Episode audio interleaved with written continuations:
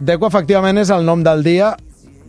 És una mica estrany que a 16 d'agost anunciés oficialment el director esportiu Sí. sí. que està treballant des del maig, Sí, fa un parell de mesos, ben bé. Sí, però és així. Avui el Barça ha fet oficial eh, l'anunci de Deco com a director esportiu. El que no esperàvem, ens ho explicaves a l'inici, és que portés associada la segona sortida de Mateu Alemany en tres mesos. I ara ho explicarem perquè en aquest comunicat on el Barça ha anunciat que Deco és el nou director esportiu s'ha explicat també que Mateu Alemany deixarà les seves funcions a partir del 2 de setembre i per tant eh, també acabarà deixant el, el club. Però anem al primer pas que és l'anunci oficial sí, eh? de, de Sí, no, Deco. vull dir que no serà com el maig, que... No, perquè en aquell moment marxava per l'Aston Villa, l'Aston Villa es va fer enrere i aleshores de, Mm. uh, Mateu va demanar tornar. Per cert, que el Carles Domènech a la TDT Sí. sí. l'altre dia va explicar una cosa que, que vaig flipar, que és que eh, l'operació Aston Villa Alemany no es fa perquè Alemany va amb una llista de, De fitxatges, de fitxatges inclòs Oriol Romeu, uh -huh. i que quan la veu Emery diu això no m'ho ha consultat ningú, Sí. sí. ja no estic amic de, de Mateu Alemany, i, i es trenca. I decideix plegar, sí, sí. sí, sí. és, ja va dir Mateu Alemany que seria un estiu interessant, i a fe de Déu que, que està sent interessant. Bé, ho està sent, sí, sí. A més a més, el Barça perd, els, Sobretot per ell. perd diguem-ne, els seus dos homes forts en la parcel·la futbolística, Mateu Alemany i Jordi Cruyff, mm -hmm. que també ha, ha marxat del club. Però anem a pams. Primer, Deco, nou director esportiu, signa per tres temporades, era un secret a, veu, i de, a veus i, de fet, com dius, ja exercia des de fa uns dos mesos, avui i s'ha fet oficial i ja tens els mitjans del club. Para mí un equipo, una plantilla espectacular, jóvenes, tenemos futuro, tenemos presente, hemos ganado la liga, tenemos que seguir con este camino y, y seguir trabajando. Deco serà responsable de la direcció esportiva del Barça i això inclou també, diguem-ne, el futbol base professional. Deixa'm apuntar aquí un nom, que és el de Bojan Kerkic. Hi ha converses del Barça amb Bojan perquè s'incorpori en aquesta direcció esportiva. Veurem si s'acaben concretant o en quin paper acaba entrant Bojan Kerkic al Barça, però ara mateix hi ha converses perquè Bojan acompanyi Deco en aquesta direcció esportiva del, del Barça. Però Digues. Tira, tira, no, no, és que m'ha vingut al cap una cosa, però no, no, no, res, res, no, ni cas. Doncs, doncs li foto. La notícia del comunicat és uh, l'adeu de Mateu Alemany. El comunicat no parla d'un adeu, sinó d'una manca de re- responsabilitat en les funcions actuals, és a dir, com a director de futbol, i a partir del 2 de setembre. Deco i Mateu continuaran treballant plegats com a mínim fins a aquesta data, però pel que sabem, uh, Mateu Alemany no té cap mena d'intenció de seguir vinculat al Barça si no és com a responsable de la parcel·la esportiva. Ha sortit publicat que Joan Laporta, crec que ha estat el diari Esport qui ho ha, qui ho ha explicat, li va oferir dilluns, a més a més de comunicar-li que deixaria de ser el director de futbol, li va oferir amb càrrec en responsabilitat eh, representativa a nivell d'institucions esportives, és a dir, amb la Lliga, amb la Federació, amb la UEFA, que Mateu fos l'home encarregat de tenir aquestes, aquestes responsabilitats, però Mateu vol, vol futbol i no estaria per la labor i abandonarà el Barça.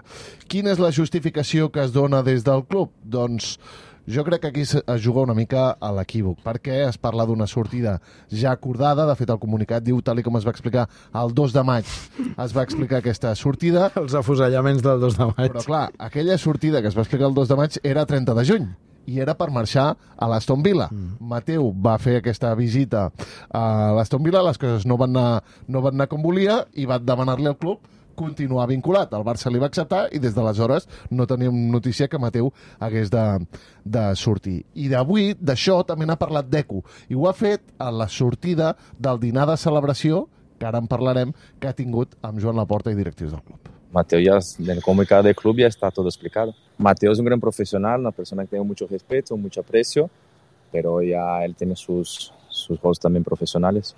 No cambia nada, seguimos igual, ya tiene una línea, Mateo estaba trabajando bien, sigue trabajando, va a estar, estaremos juntos hasta final de, de mercado, por eso la línea es la misma. No, yo no pido nada, Mateo, como sabéis todos, ya había hecho un comunicado hace tiempo y hemos quedado esos meses porque yo todavía no estaba pudiendo entrar en el club y nada, estamos todos coordinados. Doncs, com et diu Deco, no hi ha novetats. Mateu ja havia fet un comunicat. El que passa és que aquests timings no acaben de ser exactament els, els mateixos. Un Mateu que Espera't, avui... que els afusellaments van ser el 3 de maig, em diu el Santi Jiménez, i no el 2. Pura ignorància també després de les vacances. A tot això, Mateu avui s'ha presentat a la ciutat esportiva, dos quarts de sis, l'equip tenia entrenament i ha anat cap al, cap al seu despatx. Però anem a aquest dinar de celebració que hi ha hagut en un restaurant de Barcelona, un dinar que, en el que hi havia Joan Laporta, també hi havia el vicepresident esportiu Rafael Iuster, el directiu Joan Soler, que és responsable del futbol formatiu, el mateix Deco i Rafa Márquez, mm -hmm. l'entrenador del filial Falta algú, no, aquí? Barça. Xavi Hernández. Xavi Hernández no era en aquest dinar. A mi, pel que m'expliquen, Xavi no hi ha anat perquè entenia que no hi havia cap mena de necessitat d'anar-hi. Que no cal presentar un tio tres mesos després. Tenint en compte que fa dos mesos que treballa amb ell, cosa, cosa que li És, trobo té un punt de raó. sentit del món. Vull dir, fot dos mesos que treballo amb ell, ara que, que hem d'anar a fer. Però, però sí que em crida l'atenció Ai, Déu meu. la presència de Rafa Márquez i la no presència de, de Xavi Hernández. Deixa'm dir, Això implicaria algun, des del teu punt de vista, algun tipus de, de desacord? Ho dic perquè, perquè és Vox Populi que hi ha fitxatges que faria Deco que no faria Xavi i al revés. Um... No m'agrada que em faci aquesta pregunta. No, no m'agrada gens que em faci aquesta pregunta. Uh, no ho sé, de desconec quin és, quin és el pensament i la mirada del, del cos tècnic del Barça. Sí que tinc alguna, alguna sensació, però no suficient com per atrevir-me a fer un judici de, de valor. Molt bé. Veritat, et soc Eh, la, la comunicació d'avui de Deco com a director esportiu ja és el, fi, el final d'acte o encara n'hi haurà algun més? No, hi haurà una roda de premsa el mes de setembre, Ah. que allà s'anunciarà la nova estructura esportiva i també s'aprofitarà per fer balanç del, del mercat d'estiu del És el fitxatge més llarg de, de la història. És més llarg que el dels germans de Bur, que, que això pels, pels oients més joves va ser un fitxatge de dos bessons holandesos que va durar molt i que no va servir per res. Sí, o el de, o el de Neymar, fins i tot. També, el, també. El, de la segona tongada, diguem Bé, doncs així està la, la cosa. Eh, Subjau, que és evident que aquí hi havia una batalla de poders a la direcció esportiva i que la guanyada Deco no sé fins a quin punt la va perdre o se la va deixar perdre Jordi Cruyff i la perduda també, evidentment, Mateu Alemany, que deixarà el, el club. I us trasllado, Marta Bernat, la pregunta que fem a la nostra audiència. A, a mi, parlo per... No, mm, no sóc dels de hosti, Mateu Alemany, quin geni, però a mi em fa la sensació que, que és una peça que li ha donat sentit comú i ordre a l'àrea esportiva, més enllà que ho hem parlat mil vegades, no hagi de ser ell, que és un executiu, qui prengui la última decisió esportiva. Segurament per això pot ser que estigui més preparat Deco, però a mi, en tot cas, m'ho semblava el 2 de maig i m'ho continua semblant avui. És una mala notícia que Mateu Alemany deixi el, el Barça. Uh -huh. Per mi és una mala notícia el que ha passat avui perquè, d'una banda, per la inestabilitat que una vegada més eh, torna a quedar de manifest en el que és l'estructura executiva del club, on no només en la part esportiva, ara ja sense Jordi Cruyff, sense Mateu Alemany a partir del 2 de setembre, sinó també en d'altres àmbits, sense anar més lluny, doncs, la, la caiguda del CEO, de, Ferran Reverteja a l'inici de la, del mandat de la porta. És a dir, hi ha molts terrabastalls, hi ha molt moviment i hi ha molt professional de, de, de diversos àmbits que no se sap ben bé per què, doncs acaben decidint eh, plegar. En el cas de... mm, A veure, en aquest cas, a mi em sembla no sé si ja estic d'acord, però em sembla molt legítim que la Porta mm. pensi, doncs ara vull que l'àrea Sí, esportiva però- la capitanegi Deco. Sí, però és que jo, jo vull anar amb aquest tema. No, que el tema és que jo crec que no és paral·lel amb Reverter, perquè és que Reverter no l'ha substituït ningú. Sí, no, però jo en el tema de, de, de Mateu Alemany crec que hi ha com una, si m'ho permets dir així, una errada de plantejament des de principi. Eh, la, porta del primer, de la seva primera època al Barça era un Laporta que esportivament estava sustentat en gent tècnica esportiva. Des d'un gurú, que era Johan Cruyff, que era extraoficial però que l'assessorava, a un director esportiu, que era Chiqui Begiristain, que era un senyor que havia estat futbolista i que, per tant, tenia uns coneixements tècnics que després, a més a més, va acabar desenvolupant com a secretari tècnic i, per tant, amb tot el que implica de negociació amb els representants, amb futbolistes, etc. Mateu Alemany és un gestor, un excel·lent gestor. És un senyor que, si parles amb ell, demostra una, un coneixement dels contractes, de la manera de com poder-los eh, adaptar perquè el club pugui fer-se càrrec dels pagaments, de les finalitzacions d'aquests contractes, del món dels representants. Però jo mai he entès que Mateu Alemany fos un eh, gurú esportiu, fos una persona que decidís que el lateral dret que necessita el Barça és aquest, o que l'extrema esquerra és l'altre, o que el Barça necessita un davanter centre. Això ho ha de decidir gent de futbol. Mateu Alemany és un senyor del món del futbol, però del món de l'empresa del futbol.